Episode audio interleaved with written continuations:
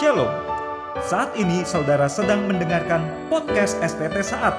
Podcast ini berisi penyampaian firman Tuhan yang bukan hanya akan memperluas pemahaman iman, namun juga akan mentransformasi kehidupan saudara. Kami berdoa dan kami percaya saudara akan diberkati. Dari STT Saat Malang, selamat mendengarkan. Selamat pagi, saya senang sekali bisa on-site. Untuk pertama kalinya setelah pandemi, bisa hadir secara fisik di antara saudara-saudara, sehingga bisa ngeliat yang sebenar-benarnya waktu saya khotbah kalian ngapain. Kecuali yang lagi online ya. Uh, waktu saya datang kemarin, saya disambut oleh beberapa dosen dengan uh, surprise katanya ya Bu Ana datang onsite ya baru kita mau kebaktian online katanya gitu ya. Jadi coba dosen-dosen yang onsite eh ada di atas ya. Ada satu yang saya minta duduk depan kok gak ada ya. Ibu Ingsian dan suami boleh siap-siap maju ke depan dulu supaya nanti pas gilirannya bisa waktunya cepat. Oke okay. Uh, Bapak, Ibu, saudara sekalian, adik-adik, anak-anakku yang kukasihi dalam Tuhan. Uh, suami saya kemarin kasih video dan saya jadi pengen pakai ini sebagai pendahuluan khotbah saya ya. Di dalam sebuah majalah The Guardian, uh, waktu itu ada diberitakan tentang satu ekor burung namanya Black Boat Bubbler ya Uh, tunggu, tadi saya udah dikasih tahu caranya, sekarang lupa. It's kelewatan ya. Black Boat Bubbler um, itu ditemukan tahun 1840 ya, a mystery bird yang ditemukan oleh Charles Lucien Bonaparte. Ya, ponakannya Napoleon Bonaparte menemukan di East Indies gitu ya. Nah kemudian tahun 2021 ada satu berita ditemukan uh, kembali ya setelah 180 tahun uh, ditemukan kembali uh, ada beberapa berita sebenarnya ya uh, burung ini ada di Kalimantan begitu. Nah kebetulan dibaca oleh uh, pegawainya suami saya gitu ya. Kemudian mereka punya ide untuk mencari kembali karena lokasinya rupanya dekat sama pabrik mereka di Tarjun Kalimantan gitu ya. Jadi kemudian mereka melakukan sebuah proyek beberapa pegawai yang suka fotografi dengan beberapa fotografer profesional, mereka masuk ke dalam hutan mencari burung ini. Apakah burung ini yang langka ini masih ada? Coba kita saksikan video yang satu ini. Kenapa saya tertarik memperlihatkan ini kepada Anda sekalian? Saya perhatikan ya orang-orang ini ya, tim ini niat banget ya. Mau nyari burung satu biji gitu ya. Niat banget gitu ya. Saya lagi pikir kalau saudara-saudara disuruh mau nggak ya? Mereka mesti tidur di hutan berhari-hari untuk nungguin si burung sebiji gitu ya. Dicari-cari sambil nyari burung, dia ketemu lagi jenis-jenis yang lain di potret-potret, potret-potret gitu ya. Sampai ketemu tuh senangnya luar biasa, sampai dibikinin video. Ya kan? Nah teman-teman saya terus kepikir ya. Tunggu ini yang yang tengah apa yang bawah ya lupa. Eh, eh kelewat lagi. Kenapa sih kelewat mulu? Sebelumnya. Saya kepikir ya kalau hari ini ya ada tim yang datang ke saat ya nyari murid yang langka, yang udah hampir punah, yang udah 170 180 tahun udah kagak ada gitu, yang udah nggak kelihatan gitu ya. Nah kira-kira siapa yang akan dipotret cerat cerat cerat cerat dan oh tim itu senang banget kayak dapat black uh, bird bubbler tadi. Nah teman-teman kemudian saya jadi kepikir ya. Ini benar gak sih? Salah mulu. Eh. Uh, ya. Saya kepikir ya kalau uh, yang ngurusin pelayanan mahasiswa Pak Hau ya. Pak Hau ya. Uh, kalau misalnya saat mendapatkan surat permintaan dari gereja, kira-kira kriteria apa yang mereka cari? kami minta mahasiswa praktek yang ya bisa khotbah, yang kalau khotbah bisa menjangkau anak muda, yang sehat walafiat, ya supaya nggak ngabisin uang gereja untuk ke dokter gitu kan ya, yang eh, cinta anak kecil, yang bisa bahasa Mandarin ya segala macam gitu. Saudaraku sekalian, sebenarnya mahasiswa yang langka, murid yang langka, hamba Tuhan yang langka, yang mungkin sudah 170 tahun bahkan ribuan tahun, itu nggak kelihatan lagi yang seperti apa. Nah teman-teman hari ini saya ingin menyoroti sebuah pencarian dari seorang dosen ya yang mencari rekan pelayanan murid di dalam pekerjaan Tuhan. Mencari, mencari, sudah kecewa dengan yang satu, dia mencari dan mencari. Dan akhirnya ditemukan. Ya jadi kisahnya kira-kira begini. Waktu itu temannya dia yaitu Barnabas ingin membawa Yohanes yang disebut Markus. Tetapi si dosen ini Paulus dengan tegas berkata, bahwa tidak baik membawa serta orang yang meninggalkan mereka di Pamfilia dan tidak mau be turut bekerja bersama-sama dengan mereka. Alasannya kenapa nggak tahu. Apakah ingat mami atau digigit nyamuk atau ngerasa kesusahan, pekerjaannya terlalu sulit. Yang jelas dia quit di tengah jalan. Hal itu menimbulkan perselisihan yang tajam sehingga Paulus dan Barnabas kemudian berpisah dan Barnabas membawa Markus juga sertanya belayar ke Siprus tapi Paulus memilih Silas dan sesudah diserahkan oleh saudara-saudara itu kepada kasih karunia Tuhan berangkatlah ia mengelilingi Syria dan Kilikia sambil meneguhkan jemaat-jemaat di situ. Nah, kemudian diteruskan Paulus datang juga masih udah bawa Silas ya tapi masih mencari kan ya. Nah Paulus datang juga ke Derbe dan ke Listra. Di situ ada seorang murid bernama Timotius. Ibunya adalah seorang Yahudi dan telah menjadi percaya. Jadi sebelumnya si ibunya udah percaya terlebih dahulu ya. Sedangkan ayahnya seorang Yunani. Timotius ini dikenal baik Ya saya bayangkan saudara ya, Timotius ini namanya sudah gaul. Eh, uh, tahu Timotius, oh dia orangnya baik loh, dia orang baik loh, dia baik loh. Bung, bung, bung, bung, bung, begitu ya.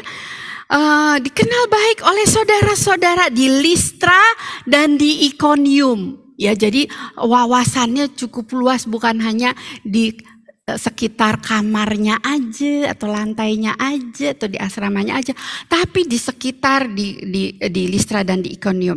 Dan Paulus mau supaya dia menyertainya dalam perjalanan. Paulus menyuruh menyunatkan dia karena orang Yahudi di daerah itu sebab setiap orang tahu bahwa bapaknya adalah orang Yunani. Nah, saudaraku sekalian, Paulus itu seperti yang tim tadi cari-cari cari-cari ketemu Timotius. Ya di dalam uh, perjalanan misinya yang sulit. Paulus pernah mengalami kekecewaan dengan seorang murid yang namanya Yohanes Markus. Tapi setelah itu Tuhan tetap pakai dia. Namun Paulus mencari dan mencari akhirnya ketemu yang namanya Timotius. Nah saudara, kalau misalnya Paulus punya uh, itu ya internet ya, mungkin dia akan search gitu ya rekan perjalanan yang tangguh gitu kan ya. Karena dia ngalamin tuh sama Yohanes Markus di tengah jalan quit, nggak tahan gitu ya. Ada nggak di sini yang begitu waktu lagi tengah-tengah di praktek terus minta pulang, bahau saya mau pulang saya nggak tahan di sini banyak nyamuk gitu ya. Apa ada yang begitu? Nah Paulus cari rekan pelayanan yang tangguh mungkin ya kalau dia punya punya internet. Nah, tapi saudara, apa yang dimaksudkan tangguh? Apakah ya karena mungkin sebelumnya ada pelayan uh, pengalaman dengan murid sebelumnya dia mau yang kuat gitu ya, yang keker, yang kalau disuruh ngangkat sama Paulus, ayo angkat barang loh, dia bisa ngangkat gitu ya. Perjalanannya sulit menghadapi jalan liku-liku, dia bisa gendongin Paulus mungkin gitu ya. Dia mau yang kayak gitu. Tapi saudara, apa apa yang uh, yang kita tahu adalah di dalam Alkitab jelas-jelas bahwa Timotius bukan yang prima-prima banget. Intinya kesehatannya ya kan sakit perut melulu. Itu kan ya, sampai waktu itu Paulus pernah bilang jangan cuma minum air putih doang ya. Tapi sedikit kasih uh, jus uh, anggur yang difermentasi, kasih wine sedikit. Karena kamu sering sakit perut kan ya, sering uh, ada masalah begitu kan ya. Jadi kesehatannya nggak prima-prima banget. Dan dia juga masih muda. Karena itu kan Paulus ingetin, jangan sampai kamu malu karena kamu muda, begitu kan ya.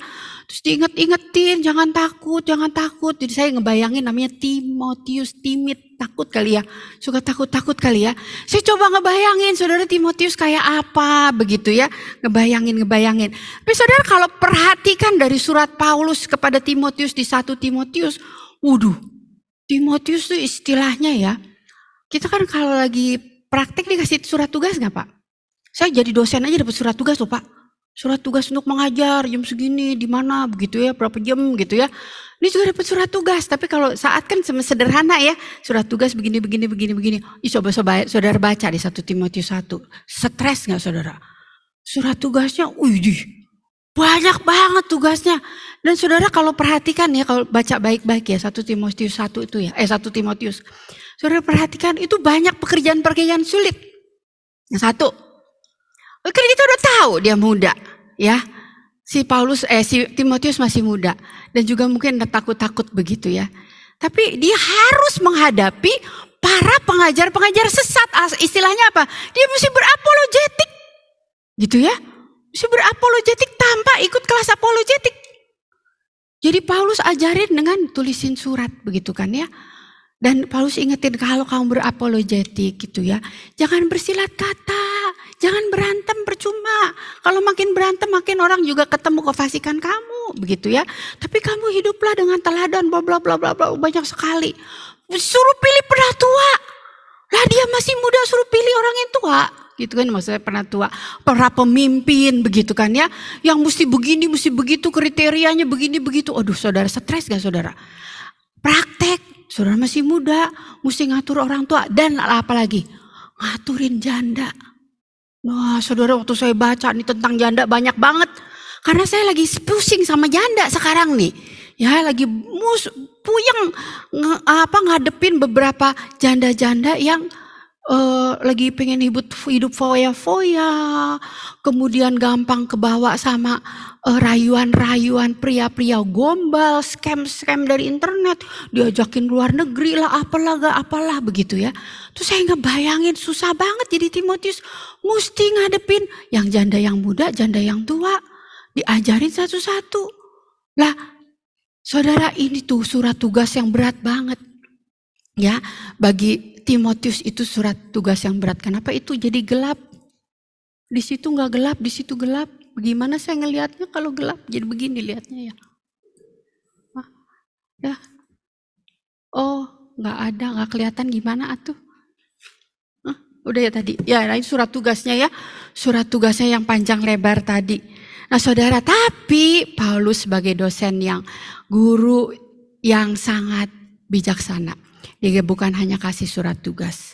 Di dalam suratnya itu juga, ada surat pujian. Ya, ada surat pujian. Nah, sebelum kita membaca surat pujian apa aja yang Paulus uh, berikan kepada Timotius, saya ingin mengundang beberapa dosen ke depan ya.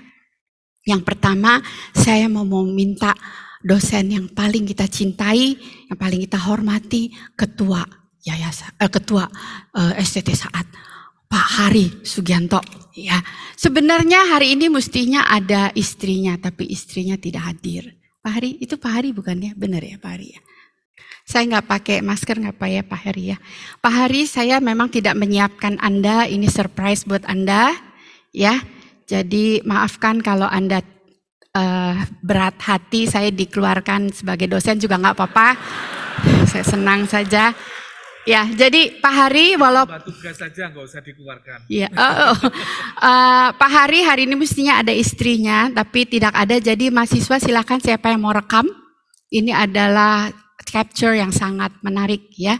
Silakan, boleh tolong ada yang rekam kata-kata Pak Hari untuk disampaikan kepada istrinya.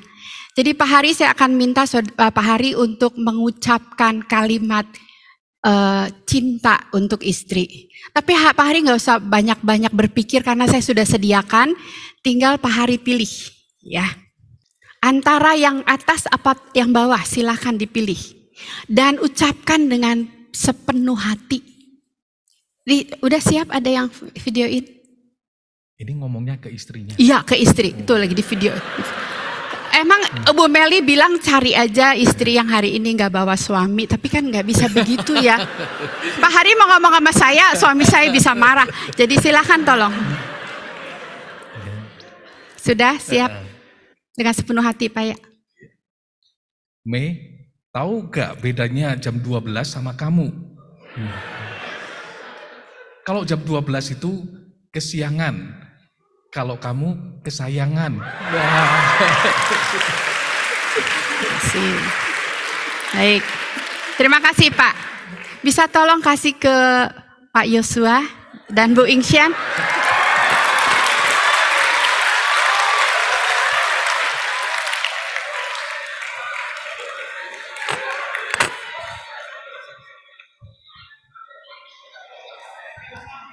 Oke, silakan Pak. Pak Yosua dan Bu Ingsian. Permintaan saya sama. Ya kalau misalnya Pak Yosua eh, keberatan nanti lapor Pak Hari untuk keluarkan saya dari dosen. Eh, jadi sama saya berharap Pak Yosua bisa menggombali istri ya dengan kata-kata gombal nggak usah pikir banyak-banyak pilih antara yang atas atau bawah boleh kita kasih waktu, jangan lama-lama ya Pak. Jangan dibaca. Nah, kali ini karena istrinya ada, boleh buka masker, istri juga boleh buka masker. Buka masker Pak, jadi kelihatan wajahnya. Ya, dengan sepenuh hati ya Pak ya. Mau pakai nangis juga nggak apa-apa, ada tisu nggak? Dua-duanya juga boleh Pak kalau mau dua-duanya. Mungkin kalau khotbahnya nggak segentar gitu ya. Ingsian. Biasanya ini tulisnya begitu, jadi saya ikutin. Kalau bahasa saya itu begitu. Sayang, di China banyak panda. Tapi panda apa yang paling cantik? Pandangi kamu terus di hadapanku. Eh, pandangi dong, pandangi. Ya, cium, cium, cium, cium, cium. Oke, terima kasih. Oke, yang terakhir, saudara, ini sudah dipersiapkan. Ya, jadi saya sudah kasih pilihannya empat pilihan, tapi saya juga memberikan kesempatan kepada uh, bapak ini untuk mengcreate his own gombal. Kalimat gombal. Ya, silakan Pak Hao dan Ibu Hani.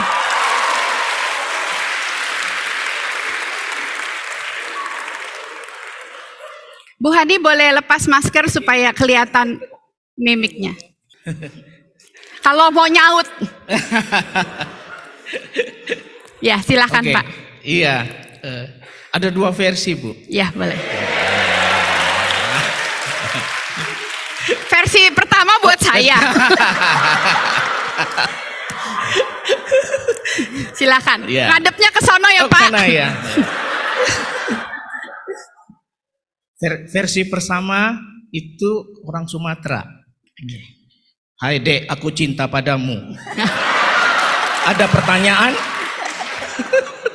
Versi kedua bahasa Agabak. Iya. Versi kedua satu tambah satu adalah dua.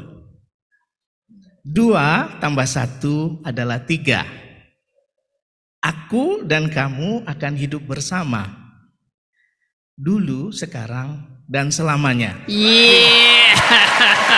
Amin. Makasih. Nggak mau nyaut, Bu. Nggak mau nyaut. Oke. okay.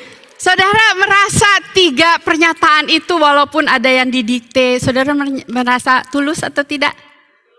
Tulus ya, tulus ya. Uh, Pak Joshua juga milih, saya nggak nyangka Pak Joshua tuh milih yang eh, pandai ya. Saya udah pilihin yang kira-kira yang paling eh, apa? Paling apa sih namanya ringan. Ya, jadi saya pilihin tadinya, aduh aku nggak bisa gombalin kamu, nggak kepikir karena di pikiran aku hanya ada kamu gitu. Tapi ternyata dipilih yang derajatnya lebih berat, memandangi si cantik ya. Dan juga tadi Pak Hari menyampaikan dengan setulusnya walaupun tidak ada di tempat istrinya. Udah direkam tadi ya jangan lupa nanti disampaikan. Kemudian Pak Hal menciptakan sendiri walaupun ada beberapa pilihan-pilihan. Saudara saya memikirkan kalau hari ini saya menggombali Anda sebagai murid saya ya. Kira-kira saya ngomongnya apa ya? Tinta apa yang tidak bisa dihapus tintaku padamu. Saya lupa terus pakai itu udah udah ada headset. Oke.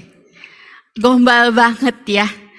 Eh, teman-teman hari ini saya ingin kita membaca surat gombalan tapi nggak gombal sebenarnya pujian Paulus kepada Timotius ya.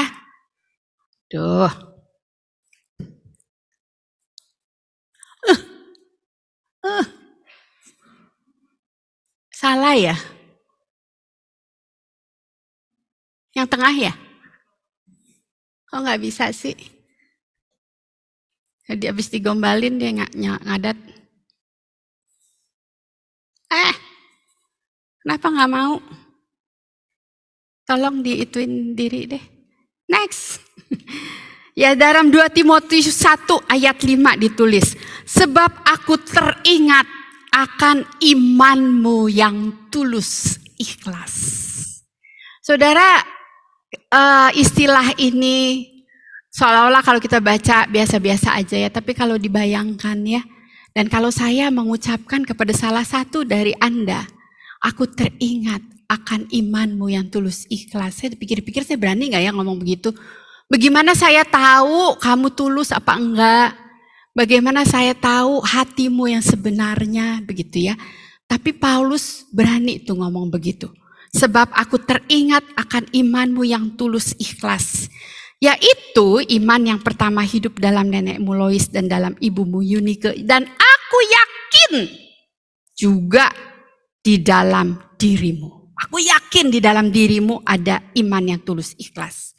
Saudara, ayat ini adalah ayat yang spesial yang saya pilih hari ini karena ayat inilah yang membawa saya sampai saat ini melayani sampai sejauh ini. Nah, ketika dalam perjalanan kemudian saya mulai memikirkan kembali itu istilah iman yang tulus ikhlas. Ya, apa sih yang dimaksudkan dengan iman yang tulus ikhlas tersebut? Jadi saya coba untuk melihat kembali saudara. Istilahnya kalau ada orang yang mencari di sini kriteria murid yang langka adalah faktor kriteria yang ini. Aduh bisa. Ya kriteria murid yang langka yaitu murid yang punya iman yang tulus ikhlas. Yang saya rasa ini adalah precious banget tapi itu kan nggak bisa ditulis di LinkedIn ya atau nanti ada, uh, ada ada surat dari gereja minta saya minta mahasiswa yang punya iman yang tulus ikhlas susah ya kriteria itu. Tetapi kriteria itulah yang sebenarnya yang Paulus tuliskan anopokritu pisteos iman yang tulus ikhlas. Saudara, Paulus menuliskan kemudian di 2 Timotius Ya, di surat yang kedua kalau kita baca lagi beda tuh ya. Kalau yang surat yang pertama satu Timotius itu nasihat nasihat nanti kamu kalau ketemu ini ngomong begini ya kamu begini ya kamu gini ya kamu gitu ya. Wah surat tugas banyak banget ya. Tetapi di dua Timotius saudara udah mulai suratnya itu surat yang sangat sangat menyentuh hati. Surat yang kalau kita baca dengan sungguh-sungguh kita menghayati kita bisa tetes-tetes air mata. Kenapa saudara karena di situlah kita mulai melihat benar. Si Timotius itu adalah murid yang langka. Kenapa saudara? Karena uh, uh, nah, Karena banyak murid yang unfriend. Banyak murid yang exit grup. Yang pertama udah Yohanes Markus kan? Left. Kemudian Vigelus left. Hormogenes left. Demas left. Ya, karena kebawa sama kecintaan kepada dunia. Alexander blocked. Ya, di blok dah tuh ya. Daripada ngaco gitu kan ya. Saudaraku sekalian, banyak murid-murid tuh yang terkikis loh. Ya, saya setelah jadi dosen saya juga baru tahu. Kalau dulu waktu jadi mahasiswa di kampus yang lama, setiap hari Kamis jam 4 kita suka nunggu di bawah tuh ya. Di atas kan ruang maha kudusnya dosen lagi rapat. Terus suka nunggu nanti hasilnya apa ya, hasilnya apa, siapa yang dikeluarin ya gitu ya. Nah sekarang saya jadi dosen. Dan saya baru tahu, iya bener ya. Ada mahasiswa-mahasiswa yang terpaksa harus dikeluarkan. Ada mahasiswa-mahasiswa yang left. Ya, saya pikir-pikir saudara sebenar-benarnya ya, nggak ada loh mahasiswa yang dikeluarin. Yang ada adalah mahasiswa mengeluarkan diri. Benar nggak? Mengeluarkan diri dengan apa? Dengan keputusan-keputusan moralnya. Mengeluarkan diri dengan apa? Dengan keputusan-keputusan hatinya. Dosen hanya membicarakan dan kemudian benar, dia udah ambil keputusan itu. Kita konfirmasi. Dia memang harus keluar. Saudaraku sekalian, tapi kalau dosen saat ngomong begitu bisa sambil ngopi. Bisa sambil ketawa-ketawa, masih bisa pakai baju yang uh, nyaman ya. Walaupun nangis sih sebenarnya dalam hati ya. Kalau ada murid yang dikeluarin tuh sedihnya luar biasa. Tapi saudara yang namanya Paulus waktu itu dia di mana? Dia ada di penjara. eh, hilang. Ya, dia ada di penjara, saudara. Di dalam keadaan dia sendiri sendirian. Dia sendiri sekarang ini dalam kondisi aduh orang-orang yang selama ini aku harapkan bisa melanjutkan tongkat tongkat estafet pelayanan tapi mereka tidak bisa setia karena hatinya yang gak tulus. Saudaraku sekalian, Paulus di dalam penjara memikirkan murid-murid. Saya membayangkan ya saudara-saudara ya, waktu saya baca ini saya bayangin kalau seandainya ya, seandainya saya di penjara, seandainya ya, oh, amit-amit, jangan. Katanya mau menderita, tapi di penjara nggak mau. Uh, tapi kalau saya bayangin saya sendirian, ya nggak usah jauh-jauh di penjara deh. Kalau seandainya saya di rumah sakit, sakit ya, terus sudah mau mati gitu ya. Terus siapa yang saya ingat? Yang udah pasti suami, ya kan ya? Pengen dipijitin apa segala kan ya? Uh, tapi kalau suaminya juga nggak ada, anak. Eh kalau anaknya nggak ada, murid kan?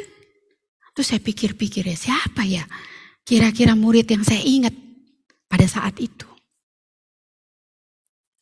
Pak dosen, Bu dosen. Siapa ya kira-kira? Itu dalam kondisi saya sudah mau menghab, mengha, menghabisi, bukan menghabisi, menghabiskan, mengakhiri. Sudah mengakhiri pelayanan ini.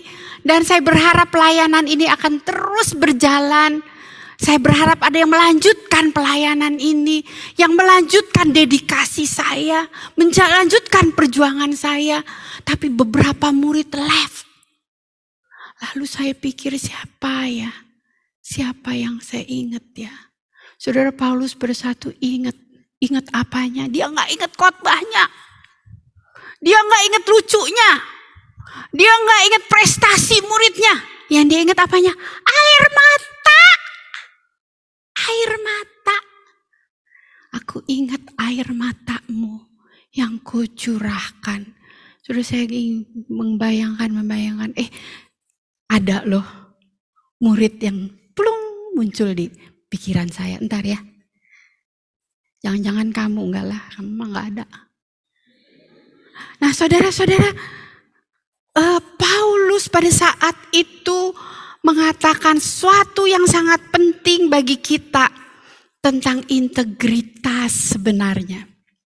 Hati nurani yang sehat. Iman yang tulus ikhlas dituliskan bersama-sama dengan eh, suatu kriteria yaitu hati nurani yang murni. Kardias, pusat daripada kehidupan. Sudaideseos, hati nurani dan pisteos iman kataras yang clean, yang tidak defiled, yang benar-benar pure sehingga agatas itu, love itu bisa tersalur. Saudaraku sekalian, hati nurani yang sehat itu adalah kriteria yang sangat precious seorang hamba Tuhan. Saya mau tanya, saudara-saudara, hati nuraninya sehat nggak? Sehat nggak? Saudara, iman yang tulus ikhlas, hati nurani yang sehat, tidak ada kemunafikan. Uh, susah banget loh. Saya harus akui, menjadi hamba Tuhan, jadi pendeta, menjadi rohaniwan, susah banget. Tidak ada kemunafikan. Banyak anak-anak muda keluar dari gereja, kenapa? Karena melihat hamba Tuhan, pemimpin gereja, pelayan gereja, orang tua mereka, mereka bilang munafik. Kenapa? Mereka melihat ada perilaku yang baik, tetapi mereka bisa deteksi hati yang gak tulus, hati yang gak jujur. Oh saya pikir ini susah loh. Ya, kamu aja sebagai mahasiswa terhadap dosen, benar-benar jujur nggak? Jujur ya, tadi waktu gak ngaku dosa, siapa yang mimpin Yosef ya? Yosef ya. Oh pasti waktu ngaku dosa kamu, Tuhan ampuni saya, ampuni saya, kamu takut ya. Mari kita mengheningkan cipta gitu kan ya. Kamu pikirin apa? Pasti ada yang mikirin tugas belum selesai kan? Jujur, ya.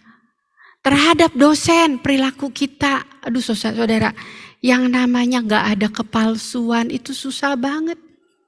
Tapi itulah yang namanya iman yang tulus ikhlas, hati nurani yang murni, tidak ada maksud tersembunyi.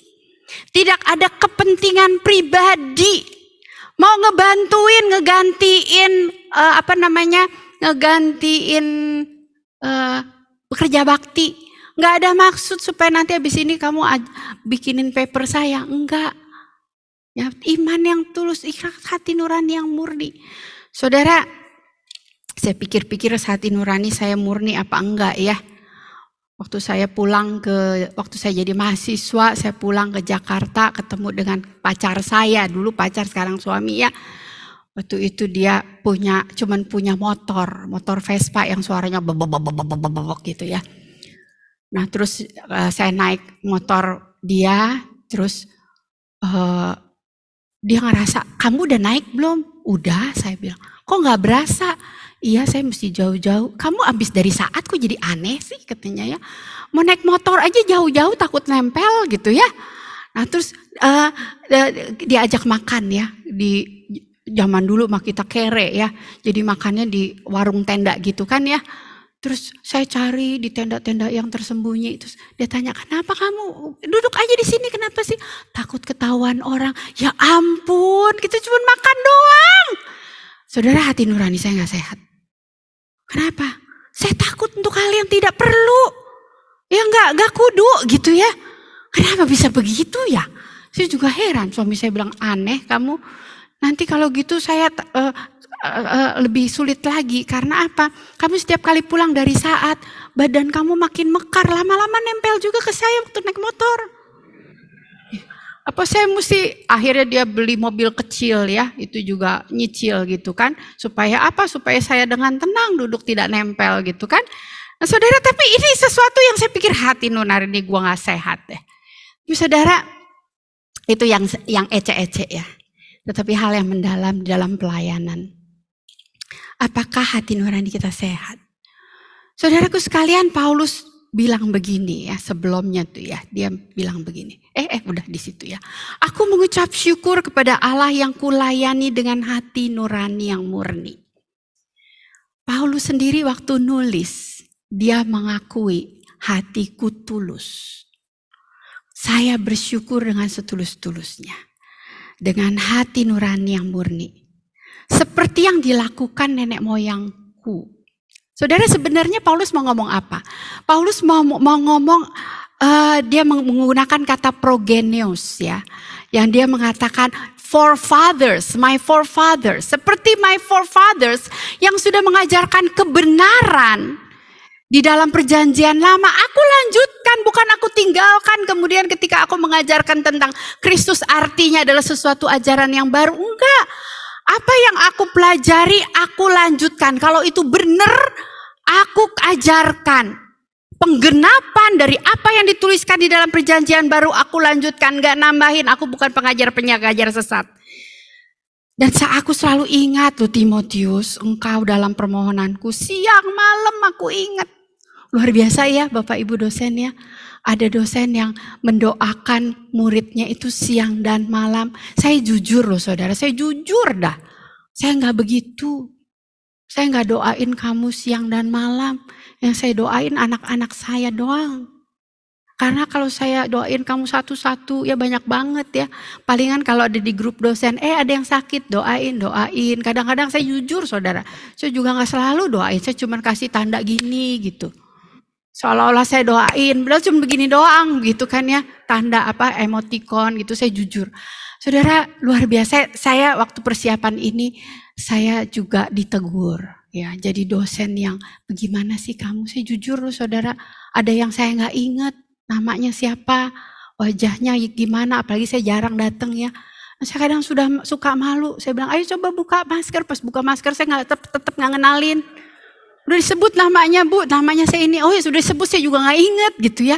Aduh saudara saya merasa bukan dosen yang seperti Paulus yang benar-benar perhatiin murid-murid satu-satu siang malam. Dan apabila aku terkenang akan air matamu yang kau curahkan, aku ingin melihat engkau kembali supaya penuhlah sukacitaku. Wah, saudaraku sekalian, murid itu bisa menjadi sukacita dosen. Murid itu bisa menjadi sukacita guru.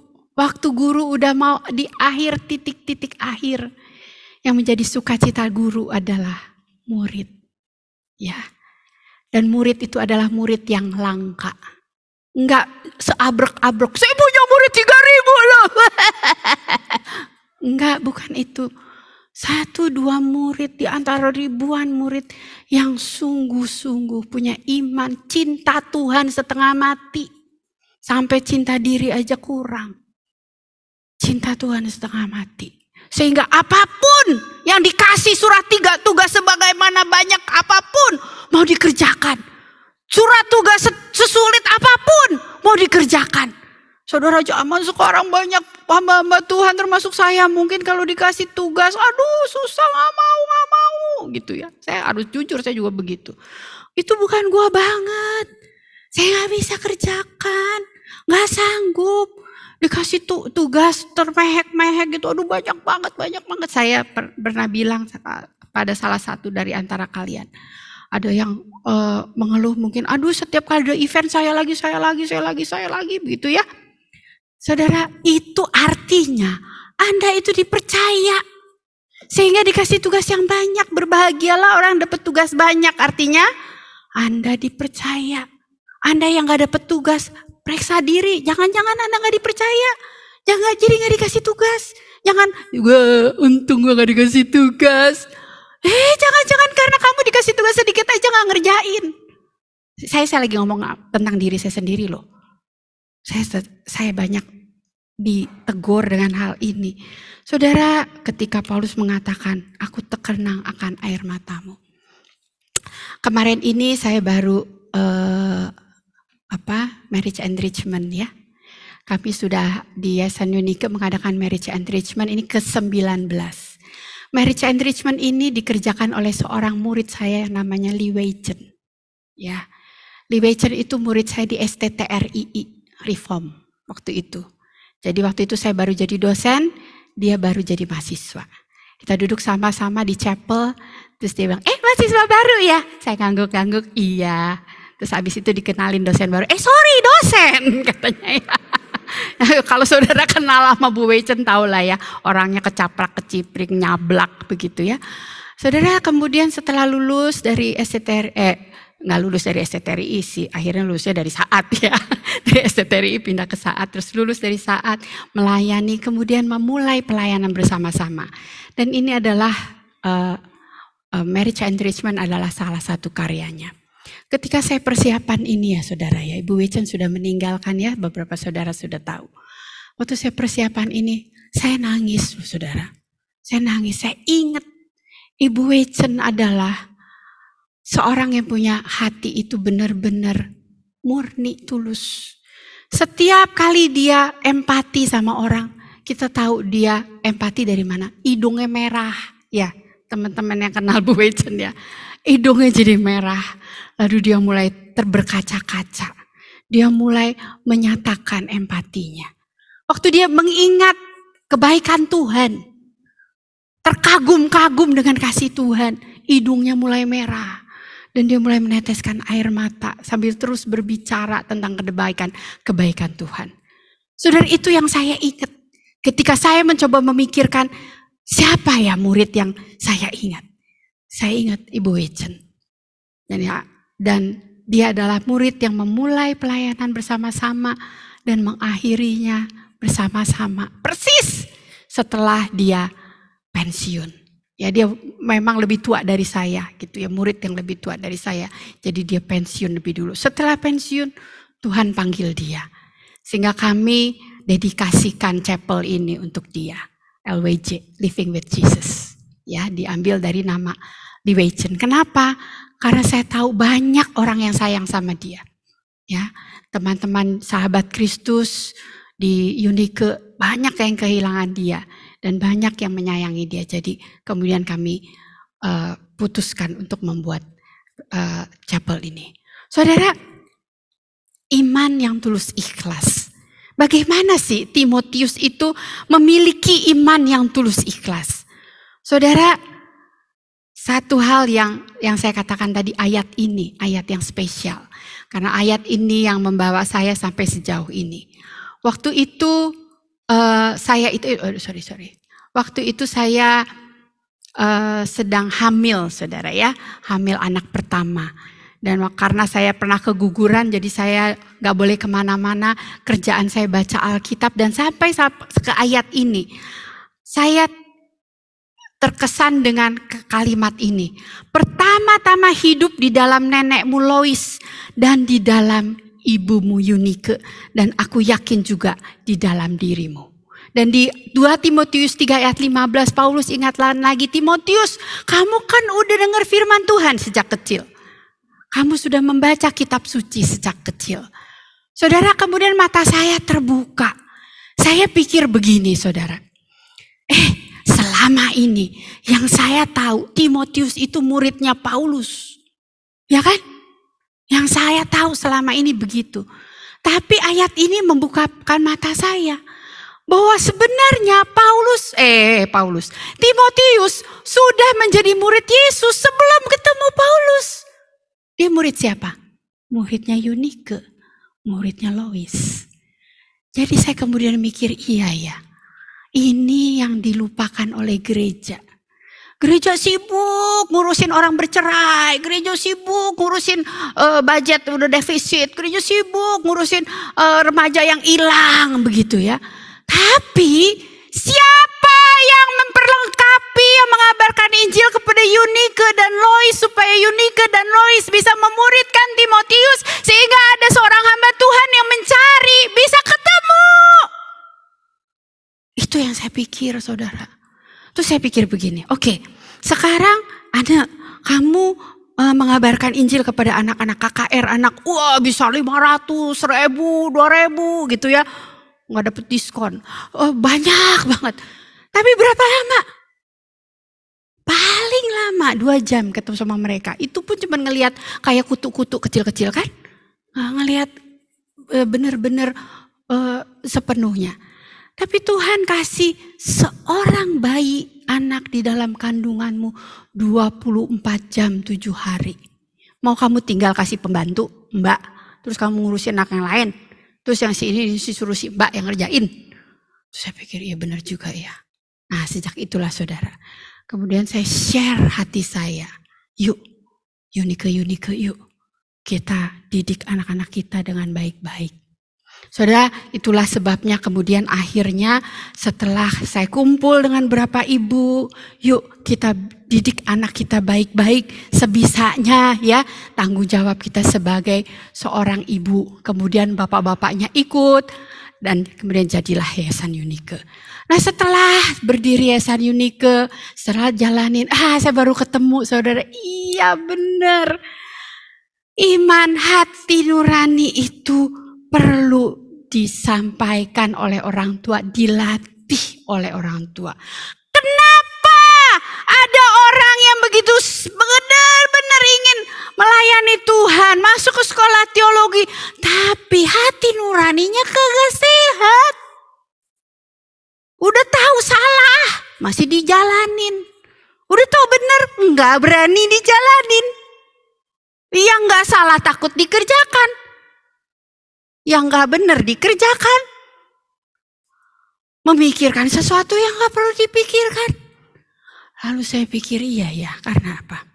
Gak dilatih dari rumah. Anak-anak kecil, eh awas lo, awas lo, awas lo. Ditakut-takutin. Gak dikasih alasan moral yang jelas. Kenapa boleh begini, kenapa gak boleh begitu. Gak dikasih tahu, cuma pokoknya gak boleh. Kenapa? Udah dikasih tahu boleh pakai nanya-nanya. Ah, saya belum mengerti saudara. Cuma pertanyaannya siapa yang ngajarin ini? Ke jemaat. Padahal kan kalau diajarin ke jemaat ya, jemaat bisa ngajarin ke anak-anak di rumah.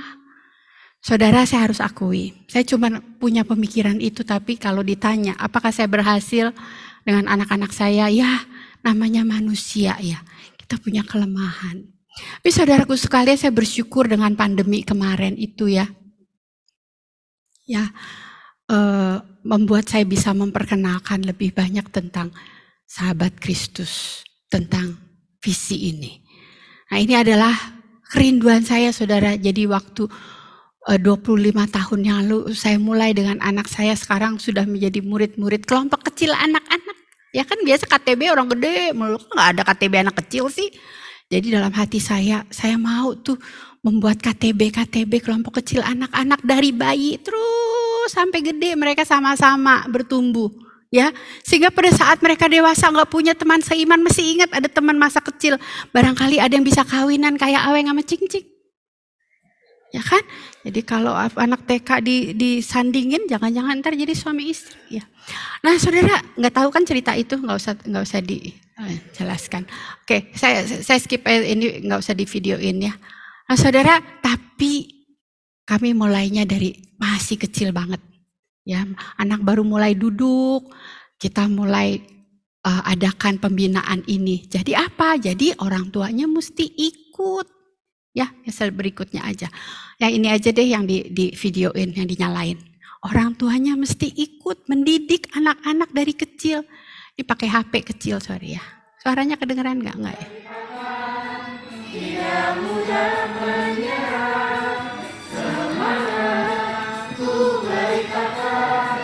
Kita mau mendidik, membina generasi tangguh. Kapan mulainya? Ya dari kecil. Enggak waktu udah gede, tangguh lu, tangguh lu, tangguh. Wah teler amat sih, kelemar kelemer, tangguh dong, tangguh. Saudara mesti dari kecil diajarin untuk tangguh. Enggak gampang saudara yang punya anak berasa ya. Punya bayi kita juga mesti tangguh. Tiap malam mesti bangun nyusuin kan.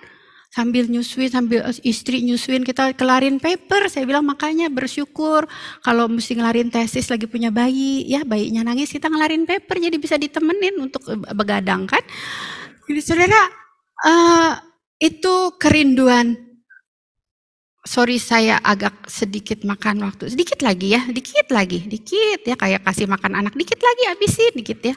Saudara, saya bersyukur sekali dengan pandemi Tuhan mengizinkan gara-gara uh, keisengan Pak Michael dan Ibu Silvi membuat rembuk nasional.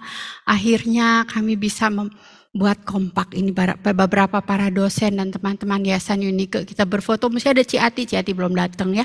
Ada beberapa dosen belum datang. Tapi berkesempatan untuk membina keluarga-keluarga di gereja-gereja ada sekitar 60 sekian gereja di masa pandemi dan sekarang uh, ada 30-an gereja yang masih mau dibina pasangan-pasangan muda yang punya anak kecil untuk bisa membimbing siapa?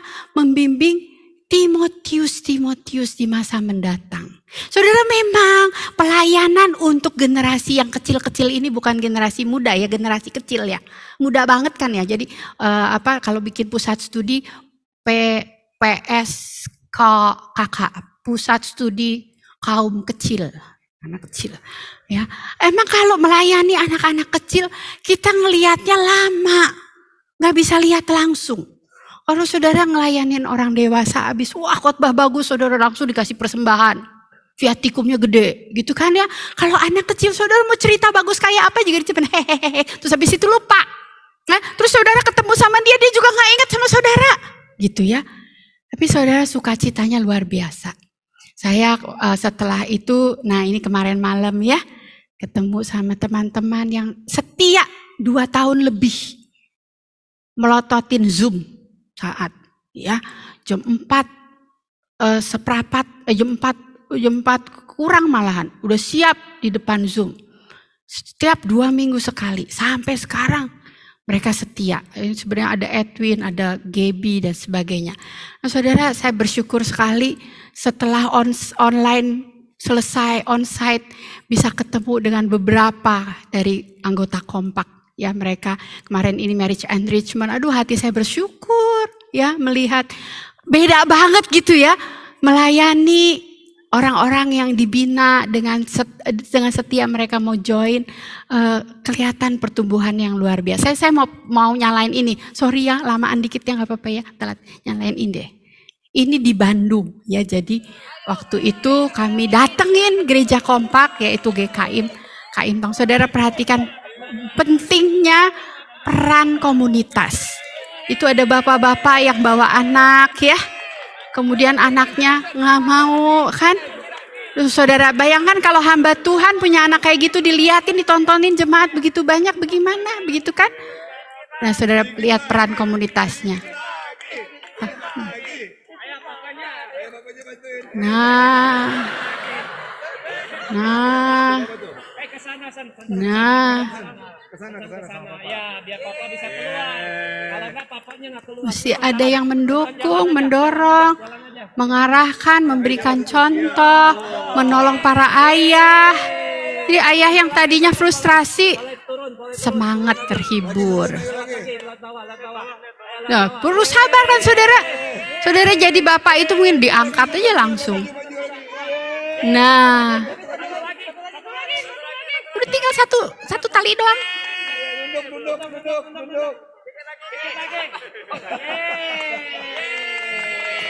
Pencapaian yang sederhana ya. Cuma melewati tali-tali itu. Tapi saya melihat adalah para ayah di luar sana dan di dalam sini perlu didukung. Ya, supaya mereka boleh mendidik Timotius Timotius. Jangan uh, saudara pikir, ya Timotius juga kan bapaknya Yunani gitu ya. Saudaraku sekalian, memang saya melihat perjuangan tidak tidak cepat selesai, perlu bu, sebuah proses. Uh, ini Timotiusnya saya, sudah umur 26 tahun. Tapi kami masih berjuang. Masih banyak hal yang kami kerjakan. Akhirnya saya cuma melihat apa saudara kami saya melihat, aduh, ya segala sesuatu, sola scriptura, sola fide, sola gracia. Terus berpusat kepada firman Tuhan di dalam segala perjuangan. Terus melihat bahwa segala sesuatu perlu iman yang tulus dan semuanya adalah anugerah. Kita ajarkan ini kepada para ibu-ibu dan para ayah-ayah untuk menghidupinya, bukan hanya mengetahuinya, sehingga para anak-anak ini dalam prosesnya mereka juga bisa belajar. Ini semalam ya, teman-teman di saat yang juga punya anak kecil, yang punya keluarga, kita bertumbuh berjuang bersama ya. Semangat, jangan menyerah karena ada teman-teman yang mendukung dan para dosen yang juga mendukung. Ya, saya berharap saudara-saudara ketika ada tim malaikat ya mencari murid yang langka, apakah itu adalah Anda? Ya walaupun mungkin gereja nggak ngelihat, tetapi Tuhan yang bisa tahu di antara si item-item itu yang kayak semut itu ya, siapa yang sebenarnya mempunyai iman yang precious, hati yang precious, yang berharga di mata Tuhan. Ya, terakhir saya berharap kita semua bisa terus memperjuangkan ini untuk saat, untuk gereja, untuk dunia. Ya, boleh dinyalain uh, ininya videonya supaya sedikit aja memberikan cheer up. Ya, cuma gitu doang sih. saudara bayangin apa ya sebenarnya? Oke, saudara, saya ingin berdoa untuk kita semua. Mari kita berdoa. Saudara baru saja mendengarkan firman Tuhan yang kami percaya akan menumbuhkan iman saudara. Sampai jumpa pada podcast STT saat berikutnya. Tuhan memberkati.